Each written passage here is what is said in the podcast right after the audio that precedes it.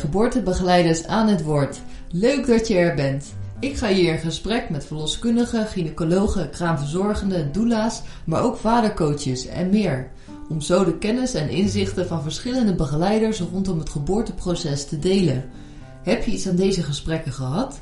Steun dit initiatief door te delen, liken of een reactie achter te laten. Meer interviews vind je op geboortebegeleidersaanhetwoord.nl. Ik ben Sabine van Onselen, jouw host tijdens de interviews.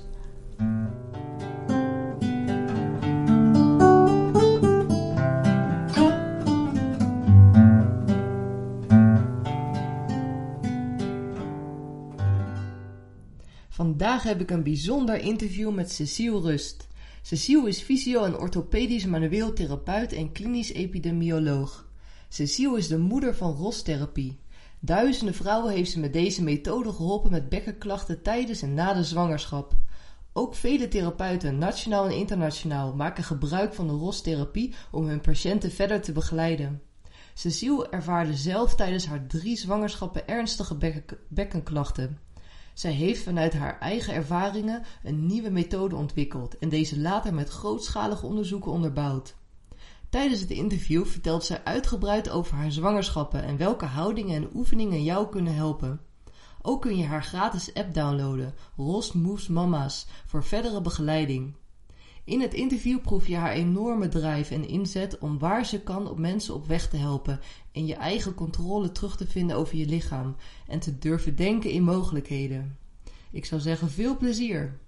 Hallo allemaal en welkom weer bij een nieuwe aflevering van Geboortebegeleiders aan het Woord. Ik zit vandaag met Cecile Rust. Cecile is fysio en orthopedisch manueel therapeut. We zitten in Leiden in haar praktijk. Welkom Cecile op de podcast. Hallo.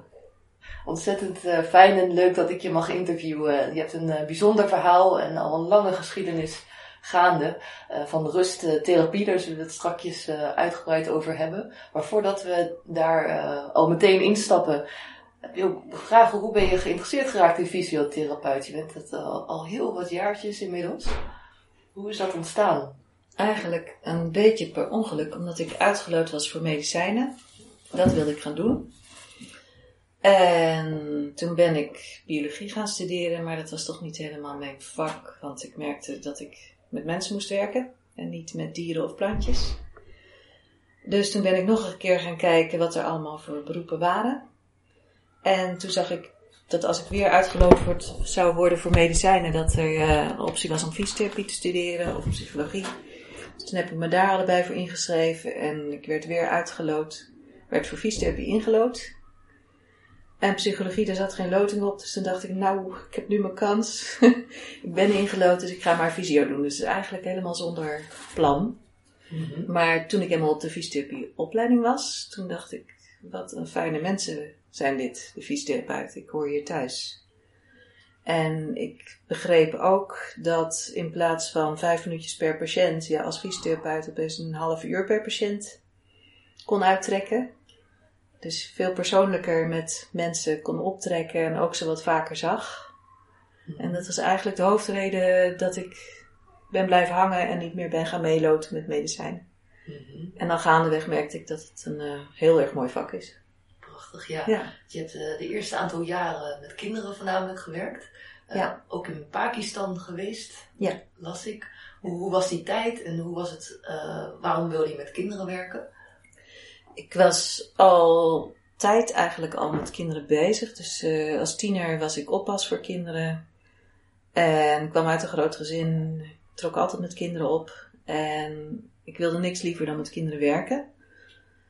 En in Nederland was er toen ik afstudeerde echt helemaal geen werk voor fysiotherapeuten. Gewoon helemaal niet. Dus dan hebben we het over 1984. Ja, 1984 was de tijd van grote werkeloosheid. En uh, van mijn jaar zijn uiteindelijk, na een paar jaar, is maar 25% in Nederland aan het werk gekomen. Dus ja. ik ben meteen na mijn opleiding, ik heb 100 uh, open sollicitaties gestuurd wow. naar her en der praktijken, geen enkele reactie gekregen. En ben op het vliegtuig gestapt naar de eerste beste vrijwilligersbaan en die was in uh, Pakistan. En toen ik terugkwam ben ik uh, weer verder gaan zoeken buiten Nederland. Want er was nog steeds geen werk. Ben ik in Duitsland een jaar gaan werken. En, eh, in Pakistan, hoe lang ben je daar geweest en hoe was die ervaring voor jou? Ja, ik ben geweest uh, op mijn toeristenvisum van een paar maanden. En ik kwam in een tehuis te werken als vrijwilligster waar nog nooit een fysiotherapeut geweest was. En waren allemaal kinderen, zwaar uh, gehandicapte kinderen en meervoudig gehandicapte kinderen. Dat was helemaal de doelgroep waar ik naartoe wilde. En het heeft een enorme impact op mijn leven gehad, omdat ik daar kwam in een situatie waar nog nooit therapie gegeven was. Waren er allemaal kinderen die ik eigenlijk op een hele andere manier kon inschatten dan dat daar op dat moment gedaan werd. Dus ik kon het soort wondertjes verrichten die voor mij geen wonderen waren, maar voor de mensen daar wel. Zoals? Zoals uh, een hele belangrijke was dat er een jongen boven in het gebouw op een bed zat. En die jongen die had een dwarslesie. En die zat daar op zijn bed, die kon uh, op zijn handen lopen, maar zijn benen deden eigenlijk niks. En hij kon niet zelfstandig de trap af, waardoor zijn leefwereld dus beperkt was tot boven zijn. Of getild worden en naar beneden. En ik zag die jongen en toen dacht ik, als jij zo op je armen kan steunen, dan kan je toch ook de trap afkomen. Dat was voor mij een soort normaal dat dat zou kunnen. Mhm. En ik heb dus toestemming gevraagd daarvan, mag ik die jongen behandelen, mag ik dat doen? En toen zei ze, ja dat is goed. Dus ik ben uh, met hem gaan oefenen daar. Er lagen ballen in de kast. En die haalde ik eruit. Die jongen die had nog nooit een bal met een bal geoefend. Dus die liet uh, meteen de eerste, de beste bal die ik naar hem gooide, liet hij tegen zijn hoofd aan stuiteren. en toen heb leren ballen. Dus dat hij handen leerde gebruiken. Uh, toen daarna op zijn handen opstapjes nemen. En binnen nou, één of twee weken kon hij op zijn handen de trap af. Gesteund en al. En op dat moment stond het hele personeel daar, de, de zusters die daar werkten in dat huis, die stonden huilend beneden te klappen alsof je inderdaad een wonder verrichtte. En voor mij was het uh, eigenlijk gewoon wat ik geleerd had. Ja, Van ja, dit zijn de mogelijkheden, dus ja. daar kan je dat doel mee halen. Ja. Dus ik was, uh, ja, pijnlijk verrast eigenlijk. Ik had niet het idee dat ik een wonder aan het verrichten was, maar het bleek zo te zijn. Mm -hmm. Dat mensen het zo ervaarden. En ja, het maakte het contrast tussen de wereld waar ik uitkwam en waar ik opeens werkte heel erg groot en zichtbaar. Mm -hmm. Ik dacht, goh, wij, wij hebben dit allemaal normaal geleerd. Het zijn voor ons normale kansen. Als je een dwarslesie hebt, dan zijn er heel veel mogelijkheden. Als je in de derde wereld zit, moet je het geluk hebben dat iemand er verstand van heeft of het goede ding doet. En als je pech hebt, zit je zoals die jongen 16 jaar boven op een kamer, terwijl je elke dag naar beneden had gekund. Ja, Ja. dat is een wereld voor hem die, die open in feite. Ja. Ja, en zo heb ik daarna toen nog een aantal van de kinderen behandeld en ook adviezen gegeven voor uh, ja, de kinderen die spastisch werden, waren en niet naar buiten konden op dat moment, omdat de vloer van het pleintje te hard was. Uh, daar heb ik uitgelegd hoe ze een mat konden maken en hoe die afwasbaar kon zijn. En toen ik eenmaal weer thuis was, een paar maanden later, kwam er een foto dat ze gemaakt en lagen de kinderen heel gelukkig op. Even buiten, gewoon in de schaduw. En ja, dat zijn de dingen die je als fysiotherapie, uh, als fysiotherapeut gewoon weet en kan beïnvloeden. Echt een verschil maken dan. En die een groot verschil maken. Dus in die zin heeft het mijn leven heel erg beïnvloed en mijn carrière. Omdat je weet wat je kan betekenen voor mensen vanuit zo'n vakgebied. Mm -hmm. En tegelijkertijd ook wat het betekent voor mensen als het niet gedaan wordt. Ik heb een heel passief tehuis, kwam ik binnen en ik ging, in, ja, ik ging weg met ja, mensen die dolgelukkig waren dat ze allemaal functies erbij hadden gekregen. Wauw. Ja. Dat, dat, dat, lijkt me, als ik me zo inplaats in jou, van ik ben net afgestudeerd, nog geen werkervaring, uh, wellicht een stage. En, en dan Ja. inderdaad in zo'n situatie terechtkomen waar eigenlijk jij degene bent die het voortouw neemt. En, en, en ja, zo'n verandering kan brengen. Is dat niet te veel, ja, hoe, hoe voelde je daaronder? Was het... Ik voelde me daar uh, bezwaard onder. Ik vond het niet fijn. Ik vond het heel fijn dat ik ze had leren lopen en doen. De kinderen. Ik vond het ook heel fijn dat ik dingen kon overdragen aan de verpleging daar. Maar ik vond het niet fijn dat het nog niet eerder gedaan was. Voel En- je echt van, ja. Ja. Dus dat is een heel dubbel gevoel. Dat je, ik ben wel blij dat ik het kan, maar ik zou willen dat iedereen het kon. Ja. Ja. Dus ik voelde me daar niet heel lekker bij. En toen, bijvoorbeeld toen ze allemaal gingen klappen, dan... Ja, ik had liever gehad dat het voor dat jongetje was dan voor mij bijvoorbeeld. Ja. Ja. Ja, hij, ja, in jouw ogen was hij de, de, de held, zeg maar, in de zin van het oppakken en het doen en het... Nou, het was voor Of- mij voldoende dat hij blij was en verder kon met zijn leven. En ik hoefde Ja. daar niet, want ik had het gewoon geleerd. Ja, Ja. Dus het. ehm nee, en er zit iets bij. Ik, ik vind het ook naar dat er gebieden zijn van de wereld waar mensen gewoon zorg tekort komen. En het was voor Ja. mij heel duidelijk dat dat daar aan de hand was. Ja. Die, die rol, die eigenlijk vervul je die soort van ook in Nederland eh, nu. En dan op het gebied van dan bekkentherapie. Dan eh, hebben we hoppen wel Ja. weer heel wat verder, maar dat, dat Nee, ik zie dezelfde overeenkomst wel. ja, Het is hetzelfde basisgevoel dat als je iets weet wat goed is voor andere mensen, dat je dat moet verspreiden. Ja, dat je moet zorgen dat, ehm, dat veel meer mensen recht hebben op goede adviezen, goede zorg. Ja, dat, dat, dat verantwoordelijkheidsgevoel wat je... Ja, dat heb ik vrij sterk. Ja, Ja. nou dan gaan we het zo over hebben, maar nu, dus je kwam terug en je had een hele, hele grote ervaring opgedaan en Ja, wat, hoe verliep het toen verder voor jou? Ehm, toen was er wel iets bijzonders, want eh, ik was nog niet thuis twee weken of er werd gebeld door een stichting. En die stichting die zei, we hebben berichten gekregen uit Pakistan dat jij daar geweest bent en ze willen je meteen weer terug hebben. Maar ik zei, ja, ehm, ja, dat kan eigenlijk voor mezelf niet. Ik, heb, eh, ik woon al samen, dat kan eigenlijk niet. Maar ik wil wel helpen dat daar weer mensen heen gaan. Dus ik heb die stichting geholpen om uiteindelijk een fysio en een ergotherapeut in het tehuis terug te krijgen vanuit Nederland. En die zou daar vijf jaar blijven, dat is volgens mij ook gebeurd. Om, met als doel dat mensen daar intern opgeleid werden. En dat is eigenlijk het mooiste stukje, vind ik dan zelf, dat er het overgepakt is. Dus dat je een aanzet hebt gegeven en dat andere mensen door zijn gegaan met werken. Mhm. En ik heb later ook nog wel foto's gezien van het tehuis. En het is ook wel eens op televisie geweest, hetzelfde tehuis. En inderdaad eh, waren er dingen verbeterd, waren ook dingen hetzelfde gebleven. Maar er is in ieder geval een eh, bijdrage geleverd. Mooi, En ja. wat voortgezet. Ja. En daarna ben ik ehm, in Duitsland gaan werken. En dat was ook interessant, want daar was de fysiotherapie ehm, anders ingedeeld of anders neergezet dan in Nederland.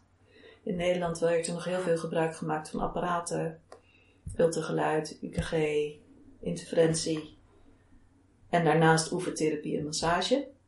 En in Duitsland mochten we alleen maar met oefentherapie aan de slag. Dus opeens zat ik met eh nou, 20% van mijn arsenaal. Moest ik dezelfde patiënten gaan behandelen. En moest ik eigenlijk veel creatiever worden in oefentherapie, anders wist ik niet wat ik moest doen. Dus ik moest daar heel erg goed gaan nadenken en eh, ja, me ontwikkelen in de oefentherapie. En dat is me later heel erg goed van pas gekomen. Het is ook nu veel meer het speerpunt in Nederland oefenen. Mooi dat je het zo ook hebt ervaren, dat je het zo ziet. Niet Ja. als een belemmering, maar meer om creatief te zijn. En je heeft ja, gedwongen om ook Ja. andere stukken te Het is bekijken. eigenlijk heel fijn geweest. Dus dat jaar dat eh, gedaan heb en dan zo in het begin van je carrière. Ja, Ja, dus Ja. allebei die ja, buitenlandervaringen waren heel positief voor daarna. ja. Ja. Dat is eigenlijk de, buiten de gebaande paden, zoals we het zo kunnen noemen. Dat, dat je veel meer gebracht heeft dan Ja. als je wel werk had gevonden. En, ja, dat weet ik zeker. Dat als je een tijdje naar het buitenland gaat, dat je daar heel veel Ja. van leert. ja, ja. Ja. Absoluut. En, eh, ja, en eh, op een gegeven moment eh, kreeg je zelf kinderen, werd je zwanger. Ja. Zou je, ja, hoe, hoe, want de podcast gaat over de geboortebegeleiding, zo dat woord Ja. is rond de zwangerschap. Wat zou je daarover willen delen? Ehm, nou, mijn zwangerschappen verliepen helemaal niet zo goed. Qua bekkenklachten. Alleen ik wist het woord bekkenpijn helemaal niet toen. En bekkeninstabiliteit ook niet. Het bestond helemaal nog niet. Dus mijn eerste zwangerschap is al uh, 29 jaar geleden, 30 jaar geleden. Toen was er geen informatie zoals nu over bekkenproblematiek. Wat voor klachten had je in die tijd? Um, ik kon na een maand of vijf, daarvoor ging het eigenlijk goed, maar na een maand of vijf ging ik heel slecht lopen.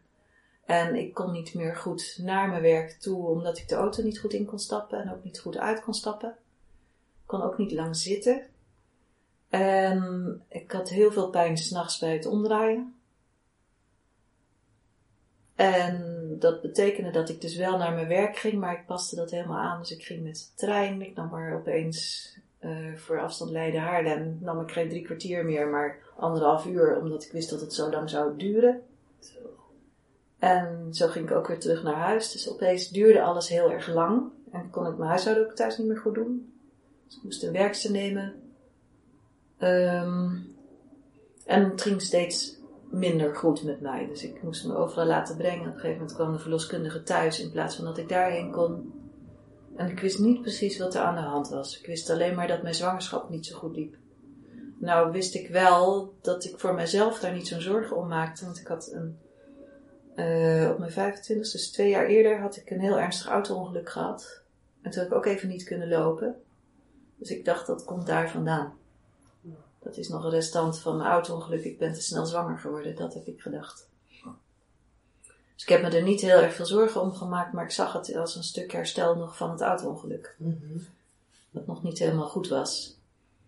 Ben je ook in die tijd naar de fysio geweest? Nee, heb ik niet eens aan gedacht. Ik dacht, de verloskundige is degene die alles weet over zwangerschap. Ja. En ik had zelf al een zwangerschapsdocentenopleiding gedaan. Dus ik gaf al les aan zwangeren voordat ik zwanger werd. Zwangerschapsgym. Um, dus ik dacht, de verloskundige is degene die alles weet van klachten. Wij geven geen, zij weten alles van klachten. En dat bleek helemaal niet waar te zijn, maar daar kwam ik echt pas veel later achter. Mhm. Ja, dus de, ik begreep de rol van de verloskundige en de fysio. Begreep ik later pas dat de fysiotherapeut veel meer op het, van het gebied van bewegen weet. En de verloskundige zich erg bezighoudt met ja. Ja, de zwangerschap, zorgen dat het kindje geboren wordt, gezond is. En hoe ging de verloskundige daar zelf mee? De vrouw gezond blijft, de gezondheid meer. De verloskundige die uh, begreep niet wat ik zei. Ik zei namelijk van, ik loop zo slecht, zei ik bij bijvoorbeeld 26 weken zwangerschap. En ik herinner me dat ik dat zei terwijl ik achter haar bureau zat. Dat zij aan de andere kant achter het bureau zat te schrijven. Er waren toen nog geen echte computers. Mm en dat ze even opkeek en zei van dat hoort erbij, dat is, hoort bij de zwangerschap. En ja, als het niet meer gaat, dan komen we wel bij je thuis. Ja. En tegelijkertijd, ze zei nog iets. Um, als ik zo hoor, doe je ook wel heel erg veel. Dus probeer smiddags te slapen. Zet de telefoon af. Ga drie uur lang in je bed liggen. Maak het donker. Ga slapen. Dus dat was het advies. Alleen dat advies pakte niet zo goed uit. Ik werd steeds slechter. Steeds ja. mobieler. Ja. ja, dus eigenlijk legden ze het een soort bij mij van je doet te veel. Ja, ja. ja. op één hoop schuiven van... Uh, ja, slapen, dat is het remedie. Eh. Ja, je doet gewoon te veel. Je bent zwanger, dus uh, als je nou maar minder doet. En wat gebeurde er daar, daarna ook mentaal en lichamelijk? En... Ja, nou eigenlijk bij mij gebeurde wat ik bij de meeste patiënten ook zie, die eigenlijk actief zijn van persoon. Mhm. Ehm, dat geeft enorm veel frustratie die je gewoon binnenhoudt. Want je mag opeens niks meer, je kan niks meer. Je moet opeens om een kopje koffie vragen, terwijl je dat eigenlijk uh, al drie keer had gehaald, normaal gesproken. Dus opeens worden dingen ja, waar je normaal niet mee bezig bent, worden hele belangrijke items. En dat deed heel veel met mij, omdat um, ik wil met mijn werk bezig zijn, met patiënten bezig zijn, ik wil over dingen nadenken, ik wil een boek even kunnen pakken. Um, ik ben graag in mijn hoofd bezig. En als ik dan opeens heel fysiek strand en ik tien minuten moet doen over het opstaan van mijn bank en het pakken van een kopje koffie wat uh, drie meter verderop staat, dat voelt heel bejaard. En Ja, ja, verder dan bejaard. ja. En dat past helemaal niet bij de fase waar je in zit. Dus je voelt een grote frustratie. Ja. Ja. Omge misschien van de omgeving. Nou, die heb ik helemaal toen niet ingeschakeld. Er was geen internet, er was geen WhatsApp, er was geen telefoon, zowat. Dus de telefoon kon ik al niet bij, want die zat aan een muur. Je ervaart dan heel veel pijn. Of, of wat is Ehm, je een kopje koffie wilde. ik ervaarde veel moei- moeilijkheden. Pijn had ik wel heel veel, maar ik kreeg me niet zo op pijn. Mhm. Ik vond het vooral heel vervelend dat ik iets niet kon. En ik vond het heel naar dat ik mijn werk moest minderen en afzeggen en al heel snel moest stoppen en dat ik mijn patiënt in de steek moest laten. En ik vond het ook heel vervelend dat ik een soort eenzaam binnen kwam te zitten. Ja. Dus ik kon, ja, en dat is nu minder natuurlijk als je via je telefoon van alles kan regelen, maar dat was toen niet. Nee. En ik kon ook niet even naar de buurvrouw om even te vragen, kom je op de koffie of iets dergelijks. En ik kon ook niet naar de telefoon toe steeds en dan moest ik opstaan. Nou, daar zat Ja. nou net het probleem. Ja. En het, het probleem werd ook niet erkend, zeg maar. Het was niet, eh, oh, je bekken Nee, problematiek. nee, ik wist ook helemaal niet dat dit mijn bekken heette. Nee. Ik, ik kon gewoon dingen niet. Ik dacht veel meer, ik heb een moeilijke zwangerschap. Ja. En dat was al vanaf de eerste zwangerschap? Of? Eh, ja, dat was de eerste zwangerschap. En de tweede zwangerschap was.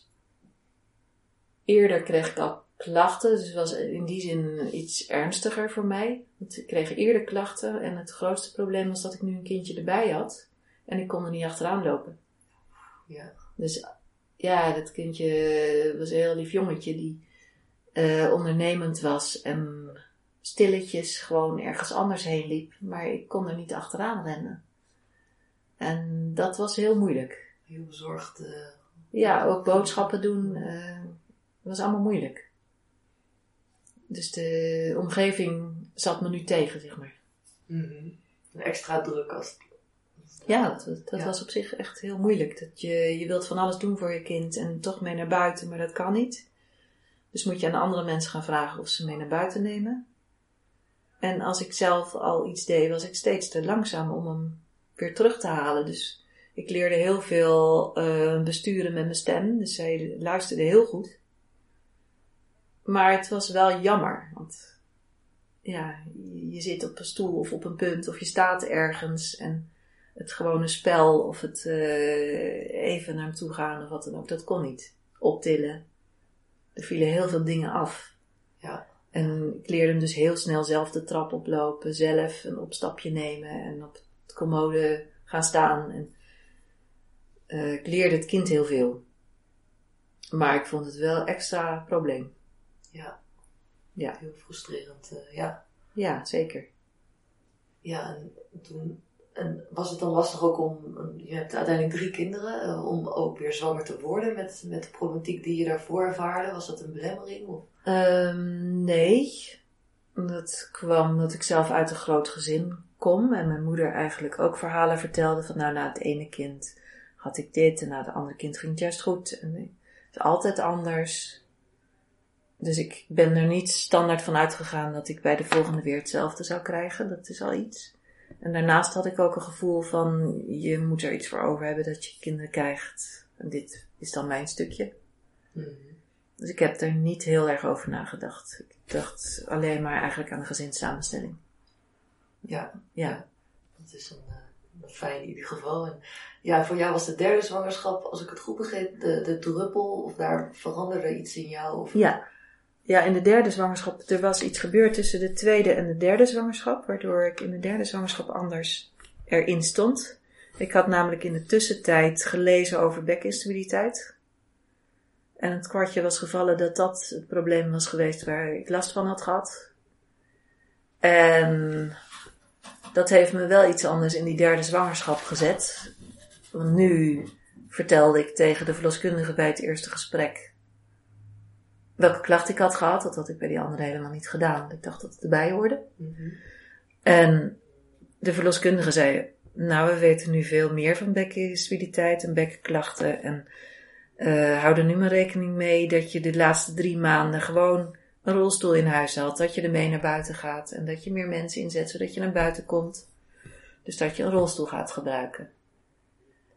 bij de huisarts was ik al iets eerder geweest voor de zwangerschapstest en die had hetzelfde gezegd. En daardoor stond ik eigenlijk anders in die derde zwangerschap. Dus vanaf het begin wist ik, oké, ik ga hetzelfde krijgen. En het zal ernstig worden, dus ik ging maatregelen nemen. En dat heeft wel veel veranderd. Mhm. Ik ging vragen aan eh, mijn hulp thuis of ze twee keer in de week kon komen in plaats van één keer in de week. Ehm, ik ging de buurvrouw vertellen wat er mogelijk zou kunnen gebeuren en of zij dan de kinderen naar school wilde brengen. En ja, ik regelde in feite gewoon eh, rust voor mezelf, waardoor ik meer met mezelf bezig kon zijn. Ik regelde mijn werk ook veel sneller, dus ik heb mijn waarnemers er al klaarstaan. Met drie maanden zwangerschap eh, wist ik al wie mij zou waarnemen en die stond klaar voor het geval ik opeens uitgeschakeld zou zijn. Ik leerde mijn kinderen koffie zetten, ik leerde ze de deur open doen, ik leerde ze de telefoon naar me toe brengen. En dat gaf echt heel veel rust. En daardoor ben ik veel meer op mezelf gericht geweest. Dus hebt- Opeens ging ik op mezelf letten. je hebt echt hulp gevraagd, zeg maar, echt eh, toegelaten, opgezocht, Gevraagd ook. gevraagd. Ik denk ook dat dat iets heel belangrijks is in een, eh, ja, bij iemand met klachten. Dat je hulp moet durven vragen. Ja, ja. En, En ook gericht gaan vragen. Dus dat je zegt wat je wil. Mhm. En dat je ook blij bent als iemand het doet. En ook, ik denk ook dat je moet begrijpen dat mensen het wel fijn vinden als ze wat voor je kunnen doen, als ze maar weten wat. Dus dat je duidelijk bent daarin. Ja, Dat heb ik eigenlijk toen in die zwangerschap heel goed geleerd. mooi. Ja. Ja. En accepteren ook van het probleem wat je hebt. En, dat- Ja, dat ging dus toen heel snel. Omdat ik het in feite Ja. was het herkend en ik had het. En de paniek ging weg. En ik was op een hele andere manier mee bezig. Mhm. En ben erover gaan praten. Ben het gaan delen. En dat maakte heel erg veel vrij voor mezelf. Waardoor ik opeens anders ging kijken naar mezelf. En ook begreep dat de verloskundige niet de expert was op het gebied van beweging. Maar dat dat fysiotherapeuten zijn. En dat ik dat zelf was. En dat ik dan dus niet me als patiënt op moest stellen, maar ook eens vanuit de fysiotherapeut hoe ik naar mezelf moest kijken. En dat heeft een grote verandering gebracht. ja. De rolstoel heeft dat jou goed gedaan. Ik heb hem uiteindelijk niet gebruikt. En dat is grappig, want ik heb de rolstoel kunnen weghouden door tijdens die zwangerschap iedere beweging die ik maakte uit te filteren. Doe ik dit goed? Heb ik pijn? Heb ik geen pijn? Wat heb ik net gedaan? Wat gaf mij pijn? Wat gaf mij geen pijn? En uiteindelijk heb ik zoveel oefeningen gefilterd, zeg maar. Dus uitgevoerd en weggedaan of juist bewaard. En houdingen ook. Dat aan het eind van de zwangerschap kon ik nog steeds lopen. En ik werd zelfs steeds sterker aan het eind van de zwangerschap. Dus ik ben ongelooflijk veel met mezelf bezig geweest en gaan oefenen. En ik kwam tot een soort recept voor mezelf. Waardoor ik, nou ja, een soort juichend door die zwangerschap heen kwam. eh, van kijk mij nou, ik loop. Ja. Ik kan en ik kan bewegen. En het is niet dat ik nooit pijn had, maar dat, dat stond niet bovenaan. Ik kon weer van alles. En ik kon gewoon tot mijn verlof gaan werken. En ik kon gewoon voor de kinderen blijven zorgen. Ik kon gewoon boodschappen doen de laatste dag. Ik ben zelfs eh, op de dag van de bevalling nog mijn ramen gaan zemen. Dat is op zich al een unicum, maar... Ik ben bezig gebleven en dat was ongelooflijk fijn. Fantastisch, ja. Ja. En de bevalling, heeft dat een effect, de werkinstabiliteit op de bevalling zelf? Ja, Ik- eigenlijk als een- eh, het woord bekkenstabiliteit gebruiken we nu niet meer voor zwangerschap. Mhm. Gelukkig. Omdat we weten dat je in de zwangerschap wordt je bekken weker. En omdat het verweekt, dus de gewrichten worden wat soepeler, is je bekken eigenlijk van nature wordt het wat minder stevig. En dat zou je instabiel kunnen noemen. Dus die term is heel erg verwarrend. Mhm. Want als dat instabiliteit is, dan is iedere zwangere per definitie enigszins instabiel in het bekken. Dus hebben we het liever over pijn, bekkenpijn, bekkendysfunctie, omdat je, dan heb je klachten. Dat is duidelijk. Ja. Ja. het gaat erom dat je klachten hebt en niet dat je bekken wat losser zit. Dat is gewoon een zwanger bekken. Het gaat erom dat je er klachten van hebt. Ja. ja, want wat voor klachten zijn er nogal? Uh, hoe kan je her- herkennen, herkennen dat je Ja. bekkenpijn hebt? Ja, mijn verhaal wat ik net schetste, dat is eigenlijk wel heel tekenend. Dus je hebt moeite om op te staan, je hebt moeite om op te draaien. Omdraaien in bed is vervelend, omdraaien als je staat is vervelend. Ehm, lopen is problematisch. Zitten ook, maar dan als het langere tijd duurt. En het is langer lopen, langer staan, langer zitten. Dus als je lang aan het belasten bent, krijg je pijnklachten of kun je iets niet meer. En dat is echt het kenmerk. Ja, is dat een aanleg? Is dat een... Waar zit het hem in? Nou, aangezien de helft van de vrouwen enige maat van klachten krijgt in de zwangerschap van het bekken, is het zeker niet alleen aanleg. Want het is duidelijk ook iets wat bij zwangerschap hoort. Uh, maar de mensen die erge klachten zijn, daar zijn wel wat lijnen bij te trekken. Dus vrouwen die eerder rugklachten hebben gehad, lopen groter risico. Um, als het in je familie zit, dus je moeder en je zus hebben ook klachten gehad, loop je groter risico. Dat kan natuurlijk aanleg zijn, maar het kan ook zijn dat je daardoor eerder weet wat je hebt. Of anders doet, of anders beweegt. En zo zijn er nog wel een aantal uh, factoren waarvan je kan verwachten dat iemand klachten krijgt. En hele opmerkelijke zijn eigenlijk de factoren dat je bijvoorbeeld bang bent dat je je collega's overbelast omdat je zwanger bent.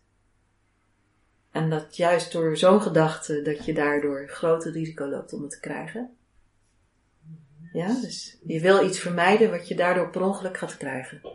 Mm Dus de psychologische factoren van stress en schuldgevoelens, die spelen mee. Grenzen aangeven. Ja, bijvoorbeeld. Dus we, we moeten met onderzoek veel meer in die hoek gaan. Hoe komt het dat je klachten krijgt? En hoe kan je door die structuren te veranderen voorkomen dat je klachten krijgt? Ja, dus aanleg is uh, niet uh, voldoende. Het is aanleg, aanleg is een dingetje. Ja. Is een stukje. Zwangerschap is ook een stukje. Ja. En hypermobiliteit is ook een stukje, maar dat geldt maar voor een beperkt aantal patiënten.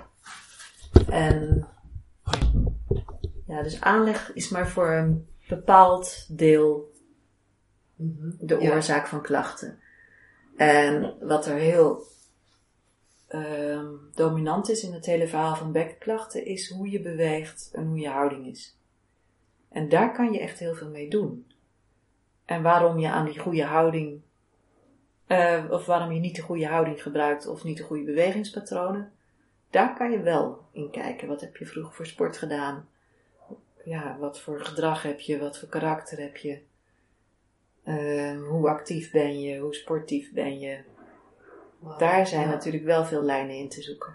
Ja, en wat je net ook zei, uh, je hebt het aan het lijf wel gevonden. Je hebt het alles echt gewoon geprobeerd, uh, gedaan, gevoeld. Ja. Uh, daarin heb je ja, dus niet alleen de kennis, maar ook veel ervaring opgedaan uh, lichamelijk. Ja, en het allerbelangrijkste wat ik ontdekte van mezelf was dat ehm, ik niet gewoon domweg een aandoening had, maar dat ik heel erg invloed had op hoe ik ehm, met deze klacht kon omgaan en of ik hem kon voorkomen of niet. En dat zat gewoon in mijn houding en mijn bewegingspatroon. Mhm.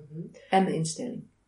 En zou je daar wat voorbeelden bij kunnen noemen? Een houding, beweging en instelling? Ja. Is instelling al iets? Maar... Ja, ik kwam er bijvoorbeeld achter dat uh, als ik een tijd in een uh, collegezaal zat, ik deed toen een opleiding in een zwangerschap, uh, dan maakte het uit hoe ik gezeten had met mijn benen. Dus hoe mijn beenhouding was geweest tijdens het zitten. Of ik daarna weg kon lopen zonder klachten. Of dat ik wegstrompelde en nog een tijd mijn balans moest zoeken en dan pas weer kon lopen. En dat was echt een eye-opener, die was heel groot. Dus opeens begreep ik dat er een link was van hoe mijn benen stonden. Met hoe ik daarna last had van mijn bekkengewricht aan de achterkant, maar ook van mijn schaambod. En ik had voor die tijd helemaal nooit die link gelegd.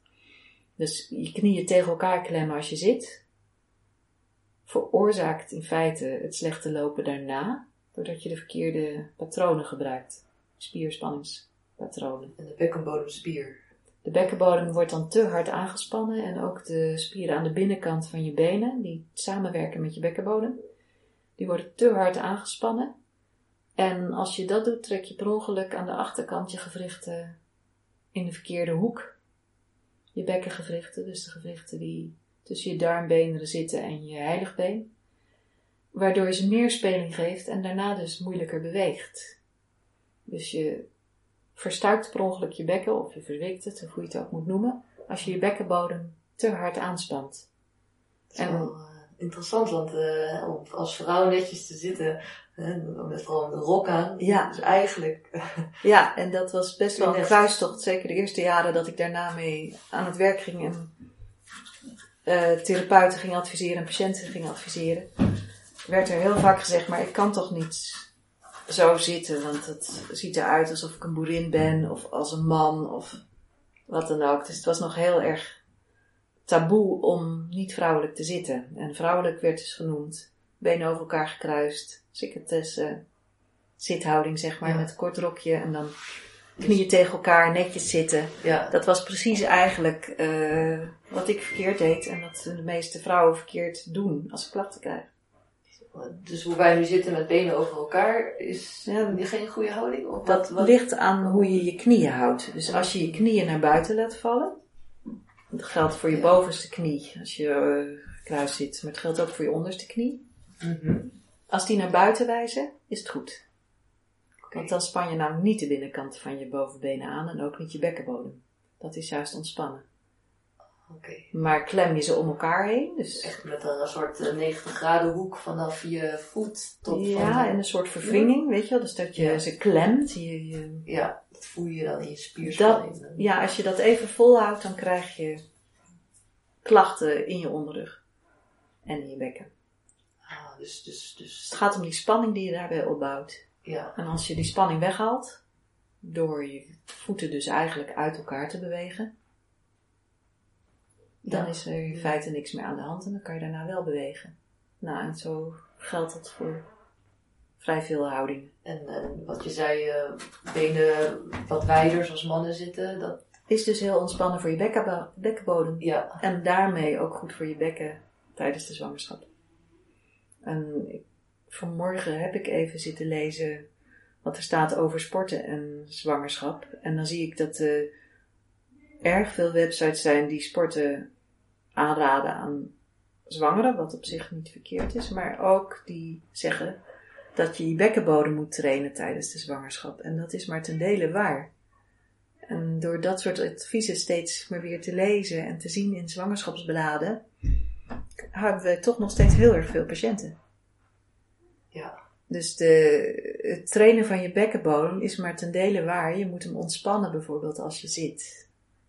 Mhm. En je moet vanuit ontspanning weer aan gaan spannen en weer daarna ontspannen. Dus het gaat heel erg om het afwisselen van aanspanning en ontspanning in die bekkenbodem. Want aanspanning veroorzaakt dus een probleem voor de stabiliteit van je bekken. Mhm. En loslaten moet je niet doen als je bijvoorbeeld aan het tillen bent. Of als je trap loopt. Dus je moet spanning hebben in je bekkenbodem. Maar niet altijd. En als je alleen maar oefeningen doet om ze te versterken en je denkt als zwanger, ik moet sterker, sterker, sterker, want het is goed voor mijn bekken. Dat is niet waar. Je moet aan kunnen spannen, je moet weten waar die zit, maar je moet zeker ook los kunnen laten. En je moet in heel veel situaties je bekkenbodem ontspannen hebben. Oh, boeiend, ja. want je zal denken, oh het is uh, niet stabiel of... Uh, nee. Dan, en dan wil je de spieren versterken. Alleen dat gaat weer tegen het principe van zwanger zijn waar je de hormonen aanmaakt om hè, dat het allemaal wat losser wordt en flexibeler. En... Ja, en het is ook zo dat een hele sterke bekkenbodem een verkeerde houding inzet. Zoals? Uh... Zoals met overstrekte knieën staan. Zoals in je rug hangen. Met je heupen naar voren hangen. En welke sporten, bewegingen zijn niet gunstig voor tijdens de zwangerschap? waarin je bekkenbodem continu belast. Ja, dat zijn eigenlijk de zware activiteiten. Dus springen, daar ben je altijd aan het aanspannen. Uh, hardlopen? Hardlopen ook. Ook. En uh, alle combat activiteiten. Daar hou je steeds je bekkenbodem aangespannen. Combat, dan kan ik denken aan uit de sportschool. Hè? Ja. Nou, wie aan combat doet, weet wel wat het is. Um, het gaat erom dat veel vechthoudingen, vechten, springen, uh, zwaar belaste activiteiten zijn. En dat je daar je bekkenbodem bij aanspant. Zwaar tillen is ook, ja, is niet goed tijdens de zwangerschap. Er komt heel veel druk naar beneden, waardoor je bekkenbodem hard aanspant. En ja, ik, je ziet het ook in ons patiëntenbestand, dat de helft van onze patiënten komt uit de zorg. Is fysiotherapeut, is arts, is verpleging, is kraamzorg of is in de kinderdagverblijf uh, werkzaam. Ze tillen heel veel, ze staan heel veel. En als je dat doet met een constant aangespannen bekkenbodem, dan is dat niet zo goed voor je bekken, krijg je klachten van. Mm Ja, dus je, ja, de link met tillen en zwaar belasten is groot. Ja, ja en, en niet bewust zijn van de spanning die er ja, is. want je zou best kunnen tillen als je daarna weer je bekkenbodem ontspant. Of als je het iets anders uitvoert. Mhm. Dus het gaat er heel erg om uh, dat je weet hoe je iets moet doen. En dat is in een andere manier dan je gewend was, want toen had je nog een heel stevig bekken. En dat kon van alles hebben. En nu moet je er zorg voor dragen dat je je gewrichten goed bij elkaar geduwd houdt. Aange, ja, letterlijk aangeduwd houdt intern. Terwijl je diezelfde activiteiten doet. Dus je hebt een soort extra zorg in je beweging. Interessant, ja. Uh, ja. Wat voor oefening of beweging zal vrouw kunnen doen om de ontspanning daarin te brengen? Um, als je op je rug ligt en je buigt je benen, dan kan je je knieën daarna uit elkaar laten vallen. Dus naar uh, je bed of matje waar je op ligt. Dus je ligt dan in een soort vlinderhouding open. Als je daarin gaat ontspannen, dan is dat misschien helemaal niet prettig in het begin, maar aan het eind, dan merk je dat je ook je bekkenbodem helemaal los kan laten. Dat is een oefening die je kan doen als je hem steeds maar weer aanspant. Dus als je toch zwaar werk hebt of toch veel moet uh, heen en weer rennen op de gangen van je werk of wat dan ook. En dan gebruik je je ademhaling ook bij die oefening? Ja, dat is ook belangrijk. Dus je bekkenbodem uh, hoort eigenlijk mee te deinen met je ademhaling. Dus als je inademt zou die een beetje los moeten. En als je uitademt, dan gaat hij gewoon vanzelf eigenlijk weer in de andere stand.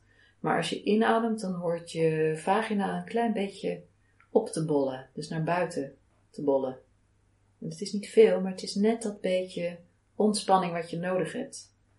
En als je met je ademhaling zou kunnen werken, als je het niet kan, is een, uh, kan een therapeutje dat aanleren of een yogadocent. Um, als je met je ademhaling leert werken, dan gaat je bekkenbodem nooit meer in zo'n soort spanningskramp staan. En dan voorkom je echt vrij veel. Dus, diep ademen naar je ja. buik toe? Of... Ja. Ja. En als je... Bij mensen is het een beetje moeilijk om te begrijpen hoe het in elkaar zit.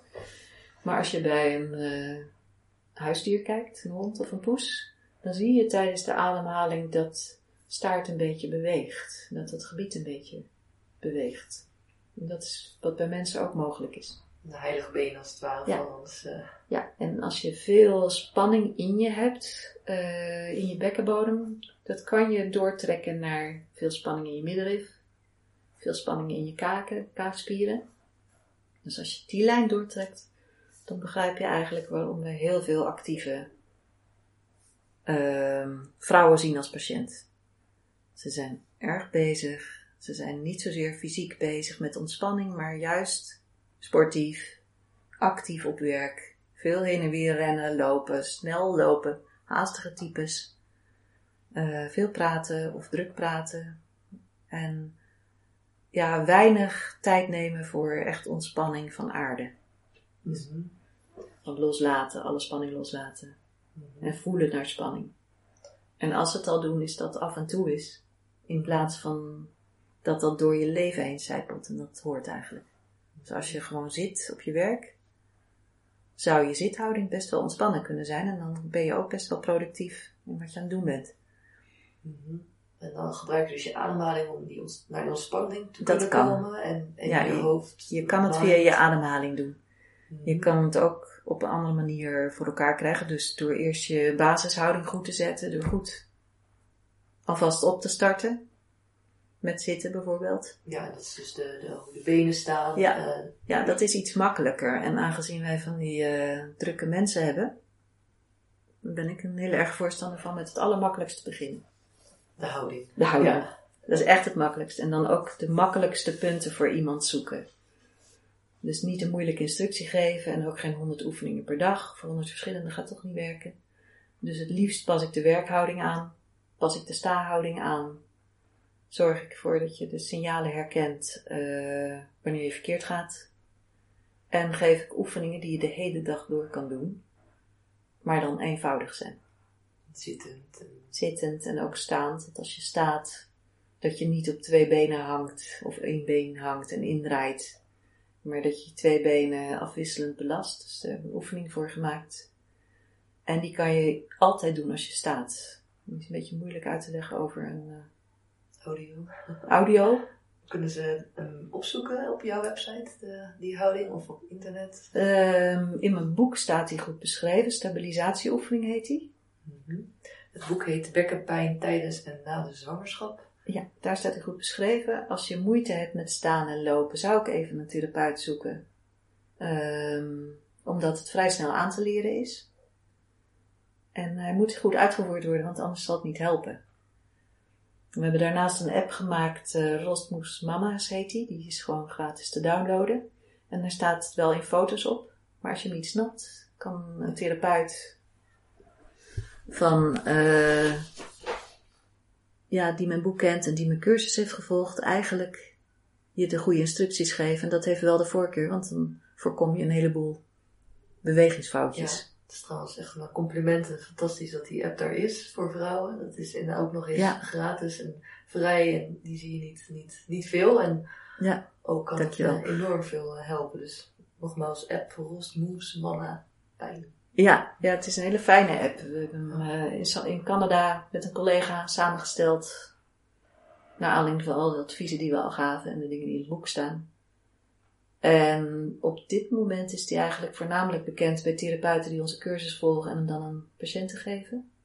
Maar hij is gewoon gratis, omdat we in feite hem ook als preventie willen aanbieden. En iedereen die maar klachten krijgt, kan hem gewoon downloaden. Ja. En welke aanname heerst er momenteel, we hebben het al even over gehad, eh, maar die nog niet besproken is, rondom dus bekkenpijn en wat wordt aangeraden door of therapeuten of op internet waarvan je zegt dat is echt een no-go. Dat dat ja, past nu niet meer in, ehm, In ja, na, na onderzoek, zeg maar, naar wat we weten. Eh, kleine stapjes lopen zie je nog steeds wel eens staan. Dat mensen voorzichtig gaan doen als ze bekkenklachten hebben. En voorzichtig bewegen, dat ze zich ziek melden van werk. Volledig, terwijl eigenlijk je je werk moet aanpassen aan je houding. Dus je houding moet je aan kunnen passen op je werk. Dat zegt het andersom. En dat betekent soms dat je je werk daarop moet aanpassen. Maar helemaal niet werken en niks doen is eigenlijk niet het goede advies. Want je wilt de goede bewegingspatronen terugpakken en overeind houden. En rolstoel is dat eh, Ja, een rolstoel hoort daar dus niet in. absoluut niet in. eh, En bovendien moet je je ook voorstellen dat als je pijn hebt bij het zitten, dat het, en zeker als je pijn hebt bij langer zitten, dat een rolstoel averechts zal werken, omdat je dan helemaal lang zit. In een nare houding. ja. En dat is ook wel duidelijk te zien aan mensen die in een rolstoel hebben gezeten. Die zijn achterop geraakt. Dus een rolstoel is niet het goede advies. En krukken is ook niet het goede advies, omdat je daar precies het verkeerde bewegingspatroon in valt. Dus zo, het liefst zo min mogelijk hulpmiddelen. En als je al hulpmiddelen nodig hebt, dan zit dat veel meer in de lijn van zo'n eh, steunbroekje om je buik een beetje op te tillen. Of een ander kussentje, of je stoel iets anders instellen. Of bijvoorbeeld eh, je toetsenbord wat schuiner zetten van je computer. Schuiner. Ja, schuiner in de zin van de voorkant omlaag en de achterkant, dus de bovenkant een beetje omhoog. Dan, ja, Dan kom je beter te zitten op je stoel. En Ja. Ja. eigenlijk is de beste houding op je stoel is dat je schouders boven je heupen blijven en je ellebogen langs je lichaam houden. En dan typen.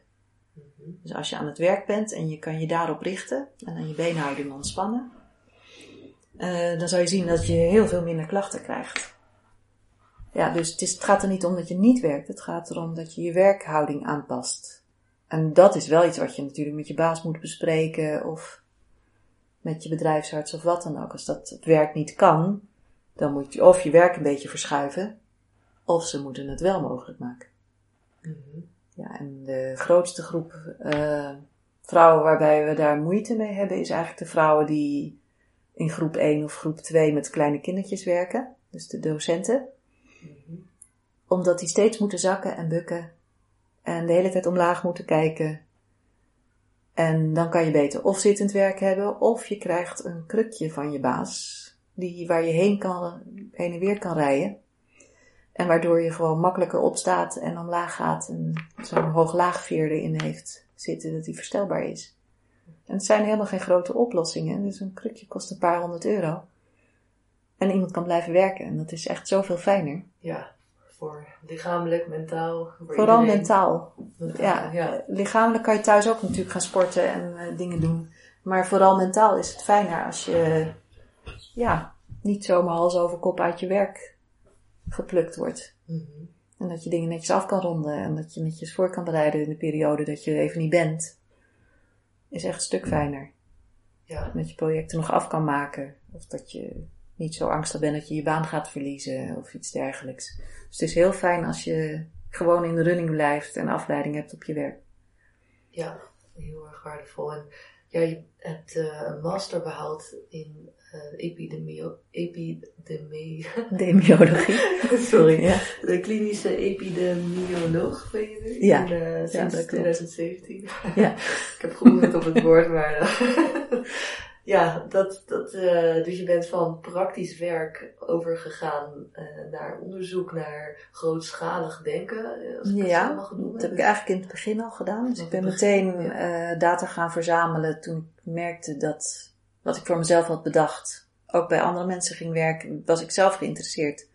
Dacht ik, hoe kan dat? En wat, waar, waar gaat dit eigenlijk over? Dus ik ben zelf eh, alles bij gaan houden en uiteindelijk eh, zijn dat hele grote onderzoeken geworden. En ik heb ook mijn collega's precies de instructies gegeven en ook de adviezen die we gaven, dat het heel uniform was en evenveel zittingen bij iedere patiënt. En zo zijn we uiteindelijk achter eh, heel veel dingen gekomen. En ja, dat, aanpak, wat, ja, ja, dat is in feite gewoon waar ik zelf in geïnteresseerd ben. De hele Ja. achtergrond van het geheel en het zien, het bekijken wat er nou binnen die groepen speelt. Waarom krijgen sommige vrouwen dit wel, waarom sommige vrouwen niet? Wat hebben andere mensen uitgedokterd in onderzoek? Ehm, hoe komt dat bij elkaar? En ja, ehm, nu ben ik dus klaar met deze master en heb ik een vragenlijst ontwikkeld. En merkte ik ook alweer dat ik daar weer andere vragen in heb gezet dan gangbaar zijn voor vragenlijsten van fysiotherapeuten. En dat komt omdat ik groepjes patiënten erbij heb gehaald. Eh, van wat missen jullie aan deze vragenlijst, aan de bestaande vragenlijst? Eh, wat zou je toe willen voegen? Wat zou je denken als een vraag wat jou, bij jou anders is dan bij vriendinnen die zwanger zijn en geen klachten hebben? Wat, wat horen wij te vragen? En daardoor kwamen we op andere vragen uit. En merk je dat er een heel stuk bij zit waar vragen in staan die eigenlijk normaal binnen de fysiotherapie niet gesteld worden, maar wel bijvoorbeeld bij de psychosomatische fysiotherapeut of bij de psychologenwebs eh vragenlijsten. En daar missen juist eigenlijk weer de, de klinische vragen. Van waar zit je klacht? Wanneer heb je last van? Welke activiteit doet zeer? En door dat nu allemaal netjes te kunnen clusteren eh, in een nieuwe vragenlijst, zit er een hele factor steun. Steun voel je, ervaar je steun van je collega's. Ervaar je steun van je partner bijvoorbeeld. Dus vragen als frustreert deze klachtje, die zijn belangrijk. Want het blijkt uiteindelijk, eh, bij het onderzoek waar ik op afstudeerde, dat als je, hoe meer klachten je hebt op meer plekken, maar ook gewoon hoe ernstiger je de pijn ervaart en ook eh, hoeveel dingen je in gehinderd wordt, hoeveel activiteiten gehinderd worden. Ehm, dat loopt eigenlijk synchroon met hoeveel emotionele en sociaal-emotionele klachten je ervaart. En dat betekent voor later, daar kunnen we makkelijker onderzoek naar doen als er zo'n eenvoudige vragenlijst ligt. Dat er in vier domeinen gekeken wordt. En dat geeft ook aan dat je in vier domeinen zou je kunnen gaan beïnvloeden. En ik denk ook dat dat is wat ik altijd wil. Je, je wilt die sociale emotionele factor erbij hebben. Die speelt mee. Je, als je, Ik zei het net al, als je baas niet meewerkt en je geen stoel geeft, dan wordt je probleem erger. Als je baas meewerkt, dan is de kans dat jij je beter erbij voelt en gewoon blijer door je zwangerschap heen komt veel groter. Anders moet je namelijk gaan bewijzen dat je iets niet kan en dat je patiënt bent en dat je echt wel graag wil werken. Maar dat je het niet kan, terwijl als mensen meehelpen en meedenken en steun geven, er echt heel veel minder frustratie is en daardoor ook minder spanning.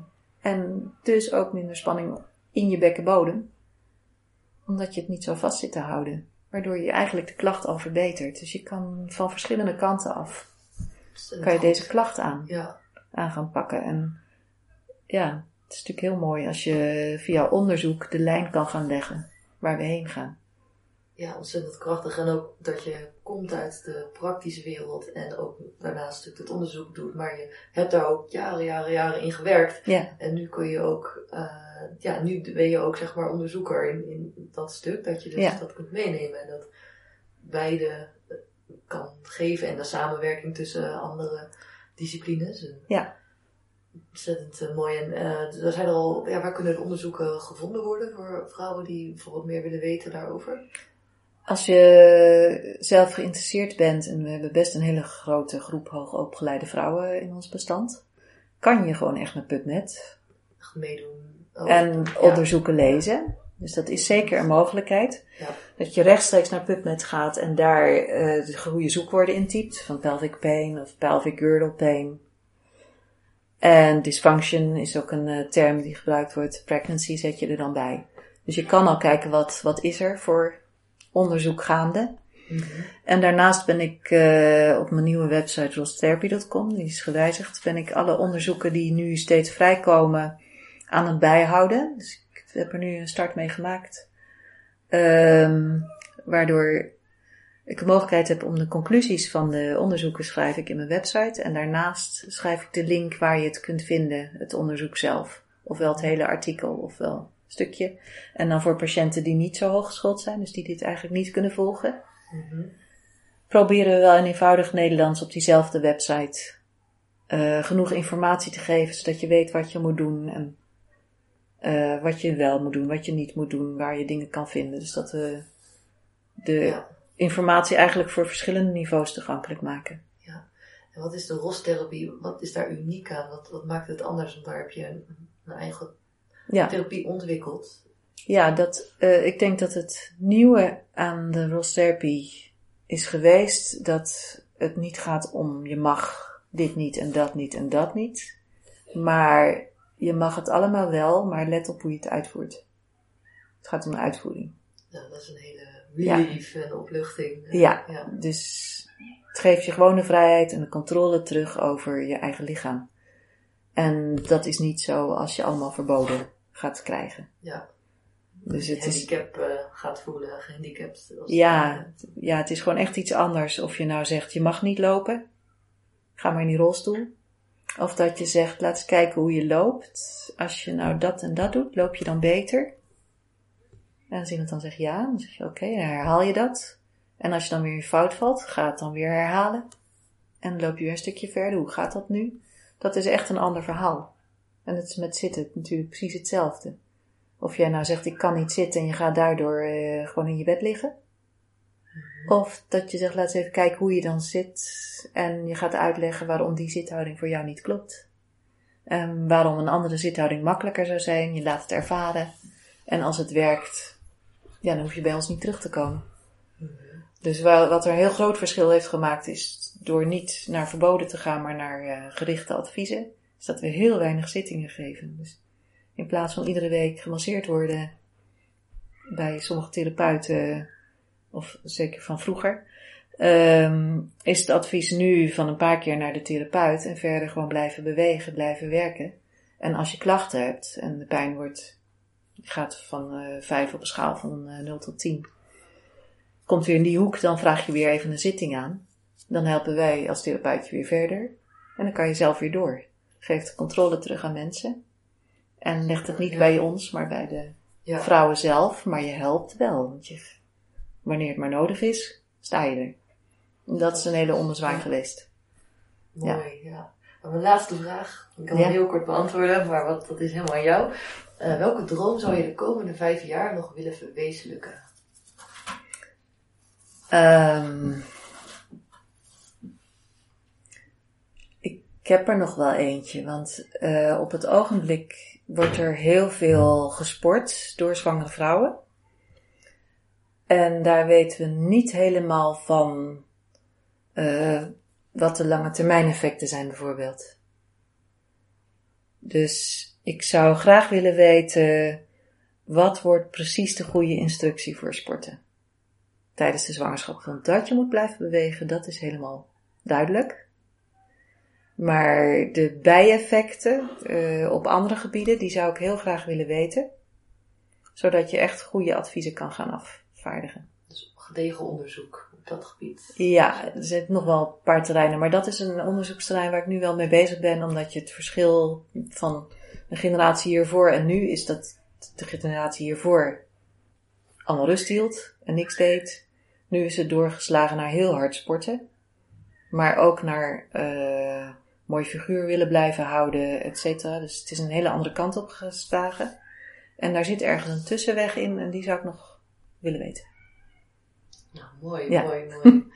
Ontzettend Cecile. Het is Graag eh, gedaan. ontzettend waardevol en veel, heel veel diepgang eh, daarin. Dat kan, je, kan ik wel horen. En voor vrouwen die daar meer, of, meer over willen weten, is veel te vinden op de website. Dus dat eh, kan ik aanraden. Dat staat online, alle linkjes. Dus eh, nogmaals bedankt. Oké, graag gedaan.